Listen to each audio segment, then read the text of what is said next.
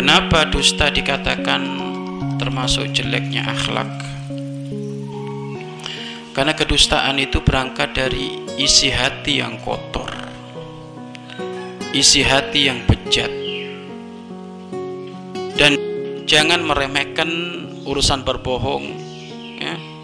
walaupun dalam keadaan gu, guyon, apalagi dalam keadaan seri, serius guyon aja jangan berbohong, guyon jangan berbohong, guyon aja nggak boleh, berbohong nggak boleh. Makanya kalau kayak gitu guyonmu harus guyon yang berarti.